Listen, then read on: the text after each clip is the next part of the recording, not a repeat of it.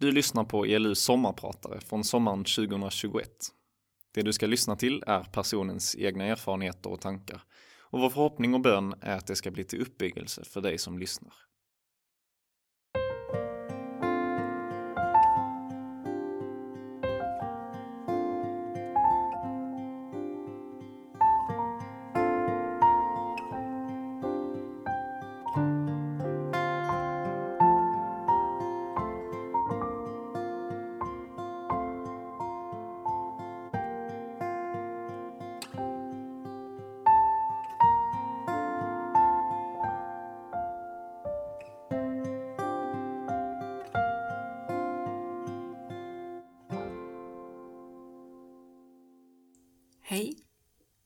Karna Arvidsson.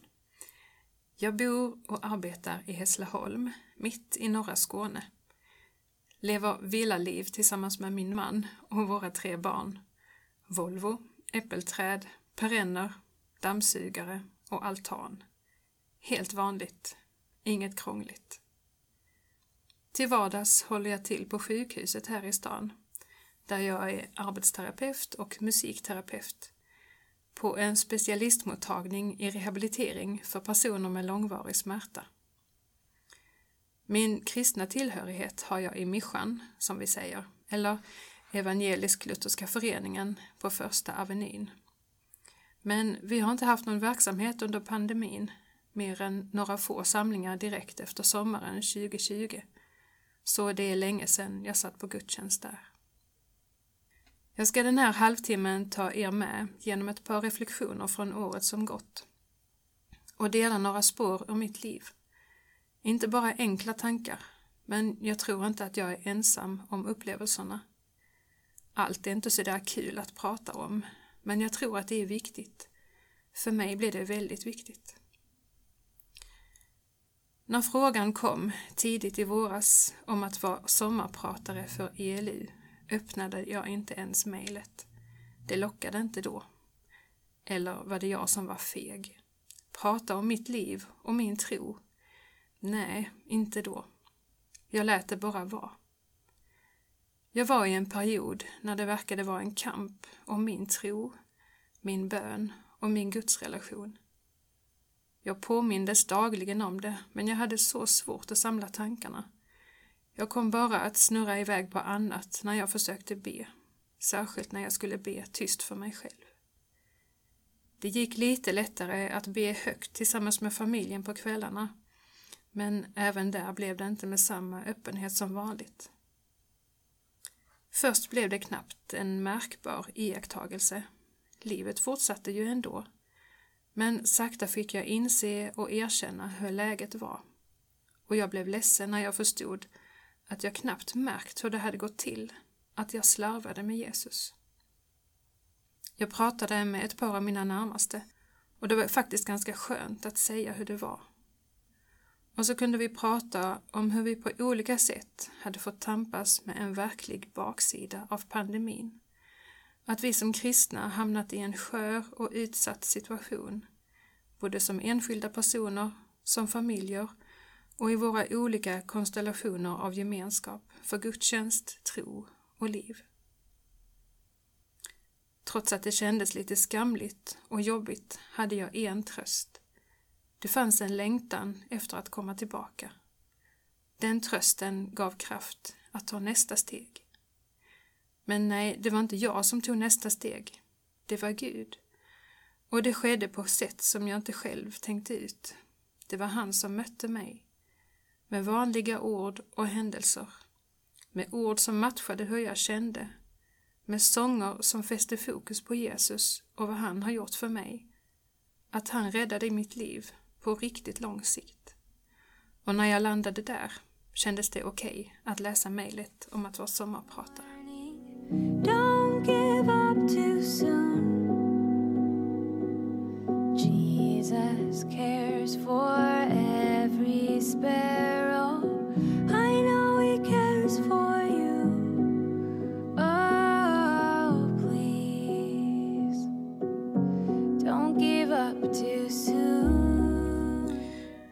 Jag fick fundera ett tag på vad som hade hänt mellan Gud och mig och jag hittade flera spår som bidragit till en situation där jag sakta kasade undan. Den hemska och långdragna pandemin har haft många konsekvenser för nästan alla. För min del som jobbar i vården har den inneburit en särskild vaksamhet eftersom jag hela tiden träffar mycket folk, både patienter och kollegor som vanligt. Jag har inte kunnat jobba en enda dag hemifrån. Så för min personliga del har vardagen varit väldigt lik hur den var före pandemin. Men helgerna har varit väldigt annorlunda. Jag är så van att ha många av årets helger inplanerade. Antingen att jag ska spela eller sjunga eller att någon annan i familjen ska medverka på något sätt. Ofta tar det ett par kvällar i veckan i anspråk med planering. Att läsa bibeltexter och välja sånger, ha kontakt med fler som ska agera i samma gudstjänst eller möte, sitta vid pianot och öva. Ibland behöver jag förbereda något att säga eller formulera en förbön. Men under pandemiåret har nästan allt detta av förklarliga skäl inte behövts. Jag har inte behövt engagera mig. Jag har inte behövts. Kanske sorgligt, men ärligt talat tyckte jag i början, för ett drygt år sedan, att det var väldigt skönt. Jag njöt av det. Det blev en frihetskänsla.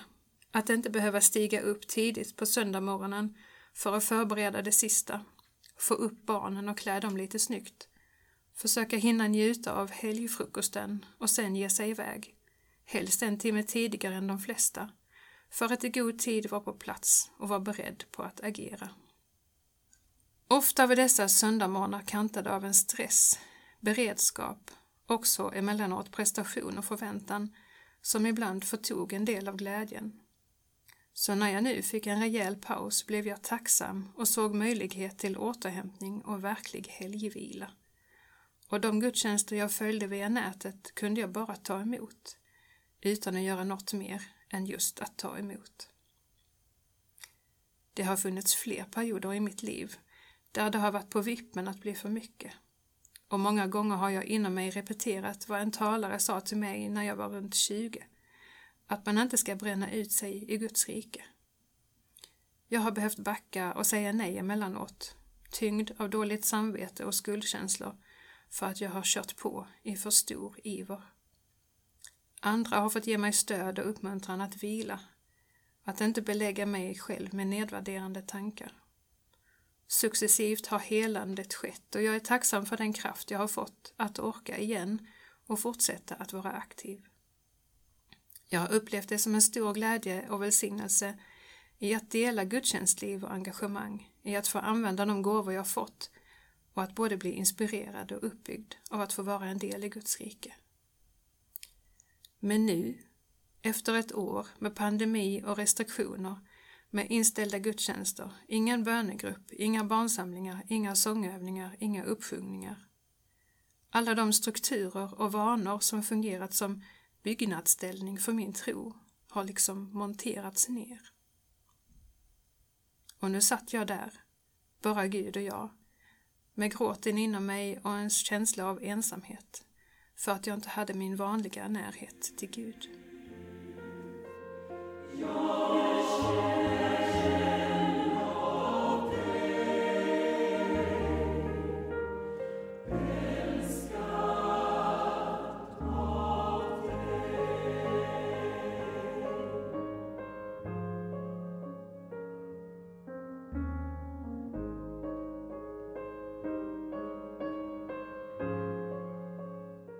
Som i många andra svåra situationer i mitt liv har musiken och sångerna funnits som ett redskap i att bearbeta, hantera, förstå, reflektera och komma vidare.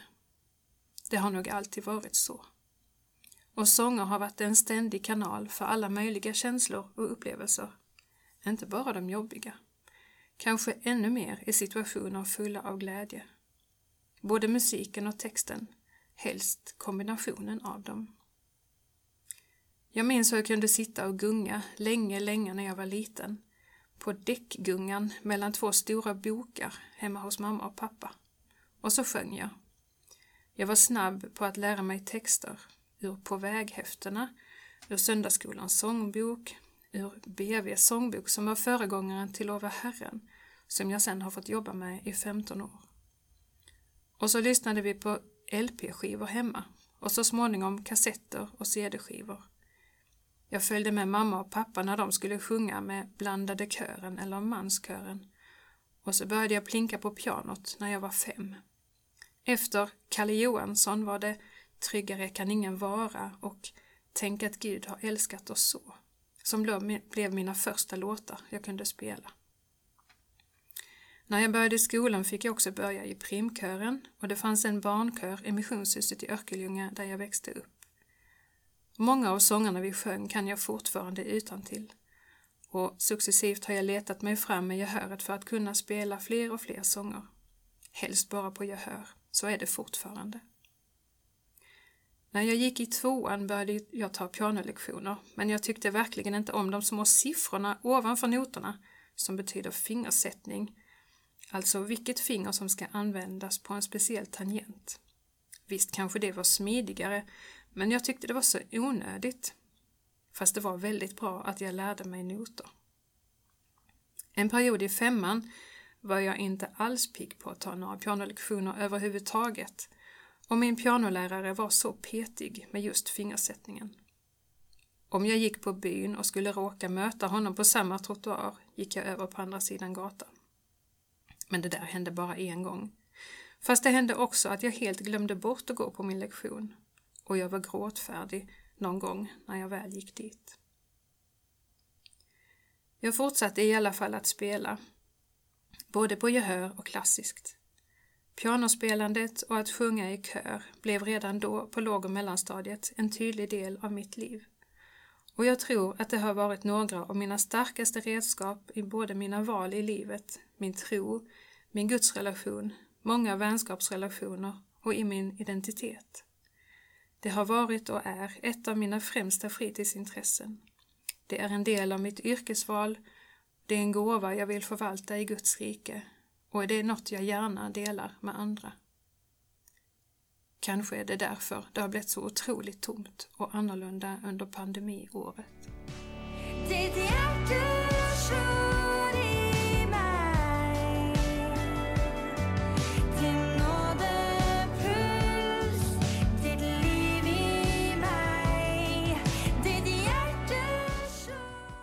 Det närmade sig långfredag och påsk.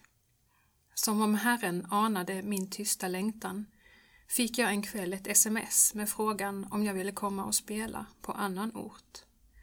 Med ordet abstinens, som om någon annan förstod. Avsändaren tänkte att jag borde vara abstinent i brist på att spela och sjunga. Så rätt han hade. Men han visste inte att jag behövde göra något mer än att bara spela. Och fler hörde av sig på några dagar föll det sig så att jag plötsligt skulle sjunga och spela vid tre tillfällen inom två veckor. Två gudstjänster och en begravning. Från att ha varit så stillsamt blev det som en boost. Jag var lite rädd att jag skulle tycka att det var jobbigt, skämmigt och det jobbiga handlade bara om mig och Gud. Och att jag inte skulle vara ärlig när jag väl stod där på scen. Men med hjälp från de vänner som jag skulle agera tillsammans med gick det bra. De hade ju inte någon större aning om vad som försiggick inom mig, men Gud visste. Jag tänkte att jag skulle vara falsk, att jag ju mest kunde köra på gammal rutin och liksom komma undan mitt hjärtas möte med Gud. Men att jobba med de givna ämnena gav mig inte en chans att smita. Först långfredag, sen påskdag och veckan därpå ett vackert avsked av en äldre kvinna i vår förening.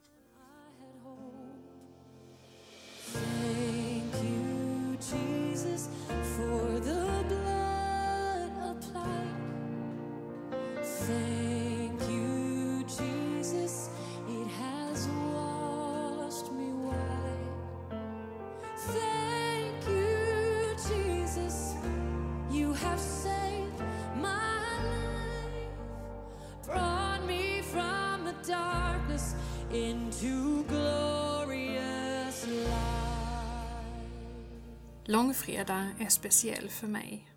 Både 2018 och 2019 har vi haft fina korsandakter här i Hässleholm. Och jag har haft både 2020 och 2021 långfredagsgudstjänster i åtanke under lång tid. Att få förbereda en sån samling hör till en favorit. Det finns många sånger att välja på. Det är ett perfekt tillfälle att spela fantastiskt vackra musikstycken som klär just den dagens allvar och smärta i toner. Och texterna är så starka och mättade av budskap. Från död till liv på riktigt. Världshistoriens starkaste kärleksbudskap som hela vår tro är byggd på. Och förlåtelsen blir så verklig och påtaglig i ordet och löftena. Därför hade jag redan en bank av material att plocka från, väl samlad i en egen mapp i min mobil, redo att användas för att leda sång och musik på en långfredag. Jag var redan beredd och just den här gången var det en särskild välsignelse att liksom slippa att börja från början. En välsignelse, inte för att jag råkade ha förberett för två år något som blev inställt på grund av en pandemi, utan för att jag under tiden som gått haft ledning i att samla material om hur Jesus lider och dör för min räddning, nu när jag verkligen behövde höra det.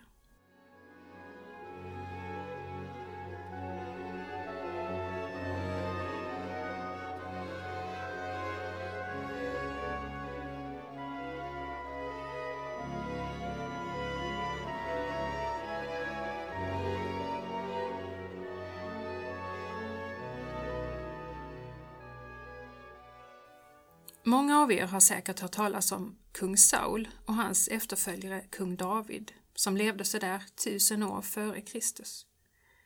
Vill ni läsa mer om deras liv så slå gärna upp och läs i Första Samuelsboken. Kung Saul hade emellanåt det tufft med humöret. Man kan ju spekulera i hans psykiska ohälsa. Det står inte i Bibeln om han hade någon diagnos. Men han kämpade med affekter och det gick ut över andra. David, som först var en herdepojke, fick tjänst hos kung Saul för att spela harpa och Saul blev lugnare i sinnet när han hörde musiken. Och Gud var med David i detta, även om det var riktigt farligt för honom vid något tillfälle när Saul var arg.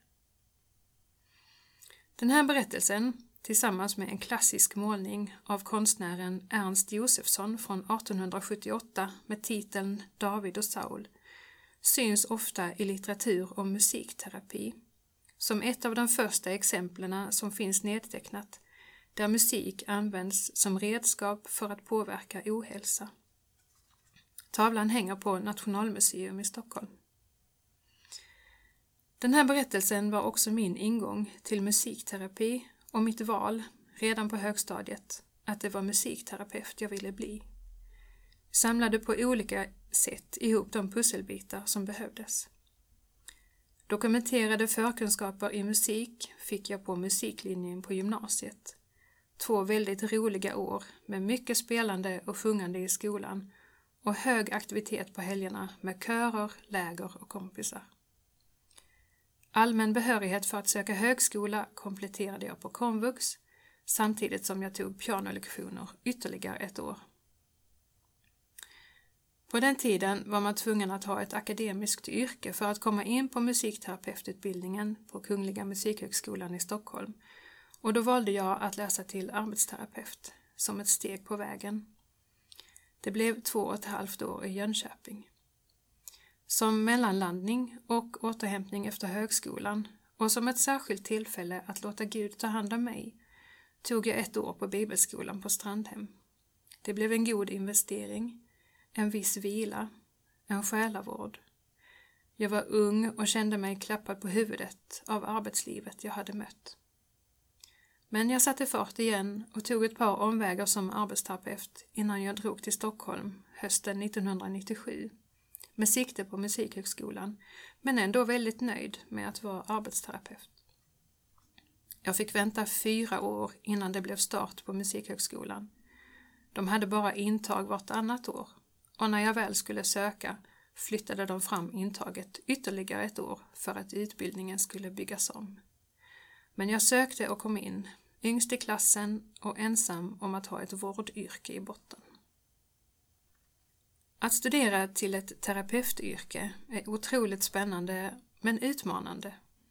Med 50 timmar egen terapi och utöver det att själv gå igenom och prova på olika typer av terapier. Inte bara med musik utan också i de nära besläktade konstterapierna, bildterapi och dansterapi. Här fick jag verkligen tillfälle att lära känna mig själv och att ladda min verktygslåda inför kommande yrke och uppdrag. Att gå i terapi kan väcka de starkaste känslor av eget ifrågasättande, av ens egna värden och värderingar, av erfarenheter, av den roll man är på väg att äntra och i starka möten med dem man har i samma rum, terapeuter, kursare, handledare och lärare. Jag upptäckte väldigt snabbt att det i min kurs fanns ytterligare en kristen person. En kvinna lite äldre än mig, men det spelade ingen roll. Dessutom förstod jag att min närmaste handledare också är kristen. Och vi tre, och ett par till, följdes åt under de två första åren av utbildningen. Jag kunde nog inte haft det mycket bättre. Det gav en stor trygghet i att möta förståelse och så hade vi hela den kristna repertoaren gemensam. Det var fantastiskt. Men åren var också tuffa, även om kunskaperna och arbetssättet var givande och präglar mig starkt idag.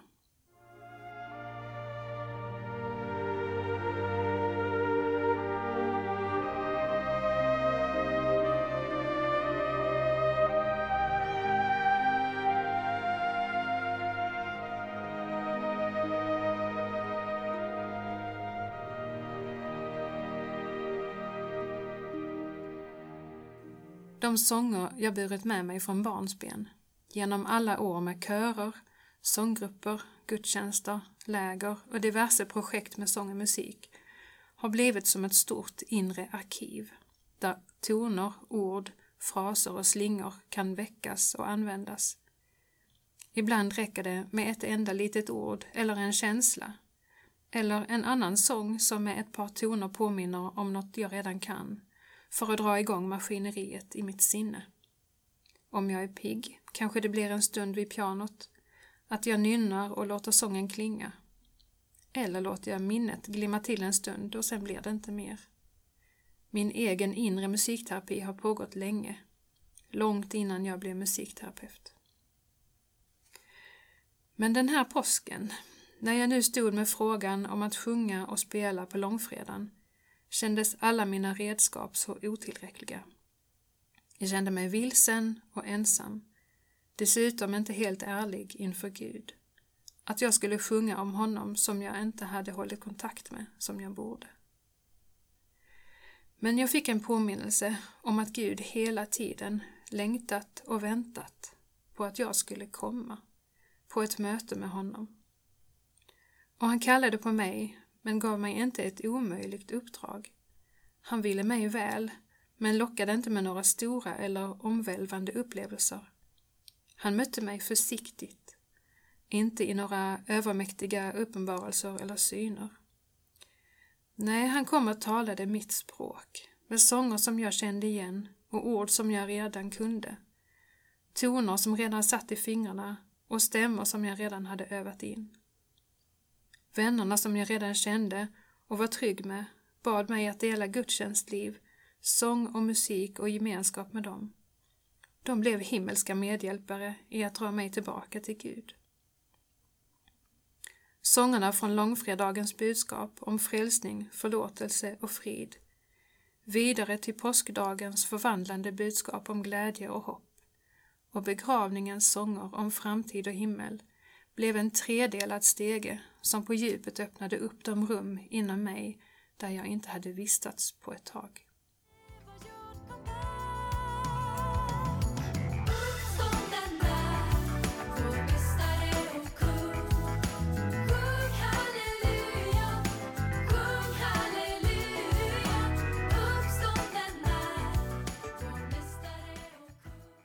Att bli bemött så, i enkelhet, att vara sedd och bekräftad där man är, att inte behöva göra något mer än att komma.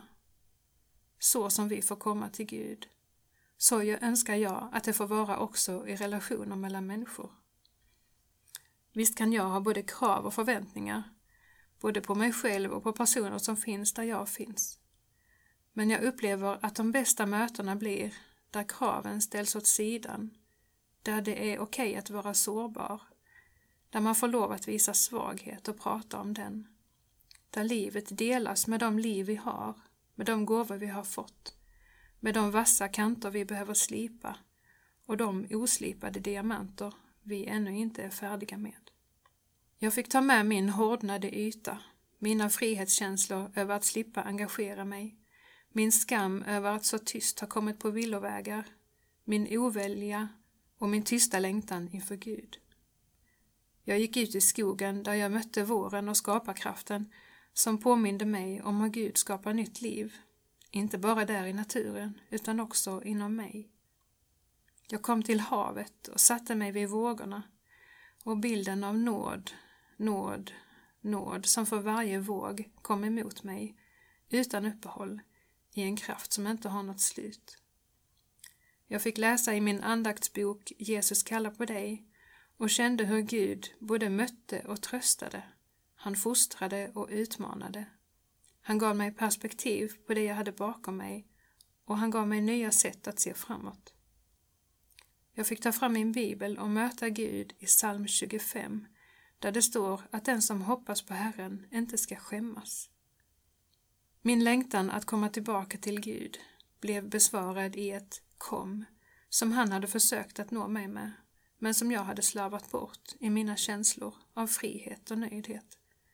Jag visste inte vad jag saknade förrän jag kände hur ensamt det hade blivit.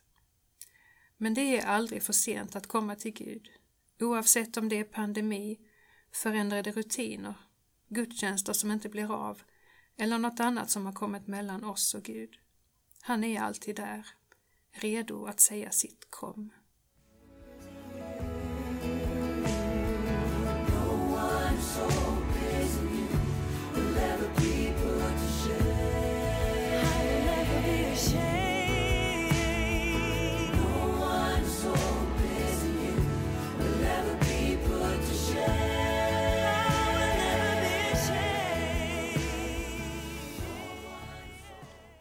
Nu är jag tacksam för frågan att få vara sommarpratare, även om det satt långt inne. Att få skriva om det i mig som har gjort motstånd har blivit en viktig punkt under de här dagarna och sångerna jag har valt har blivit som en ny omgång musikterapi där Gud är min ständige terapeut. Och han är mycket mer än så. Han älskar, förlåter och ger frid. Vi ber. Herre, dina vägar kan vi inte förstå. Dina tankar är så mycket högre än våra.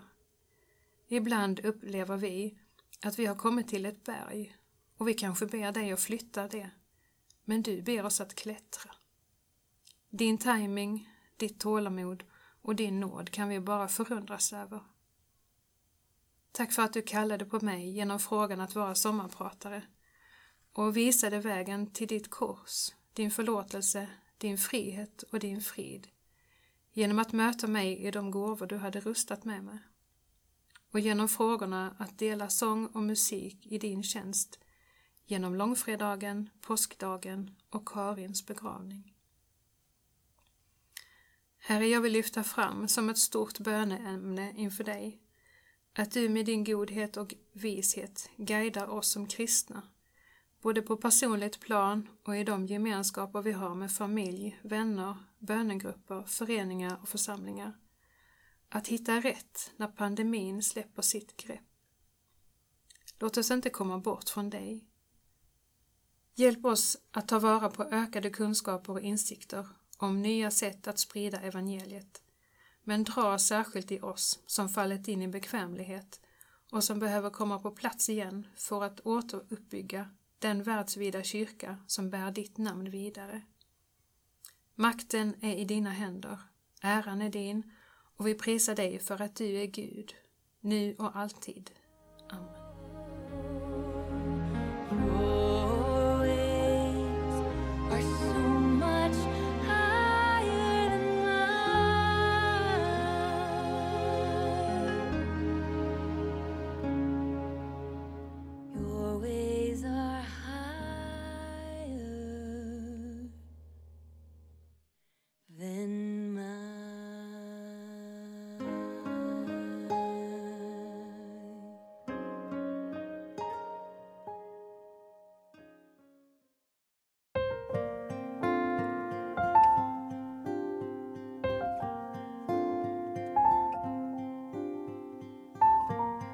Du har lyssnat på ELUs sommarprat. Du hittar våra andra avsnitt i ELU-arkivet i din podcastapp, på Spotify eller på elungdom.se. Där kan du dessutom ge en gåva eller bli månadsgåvogivare till ELU.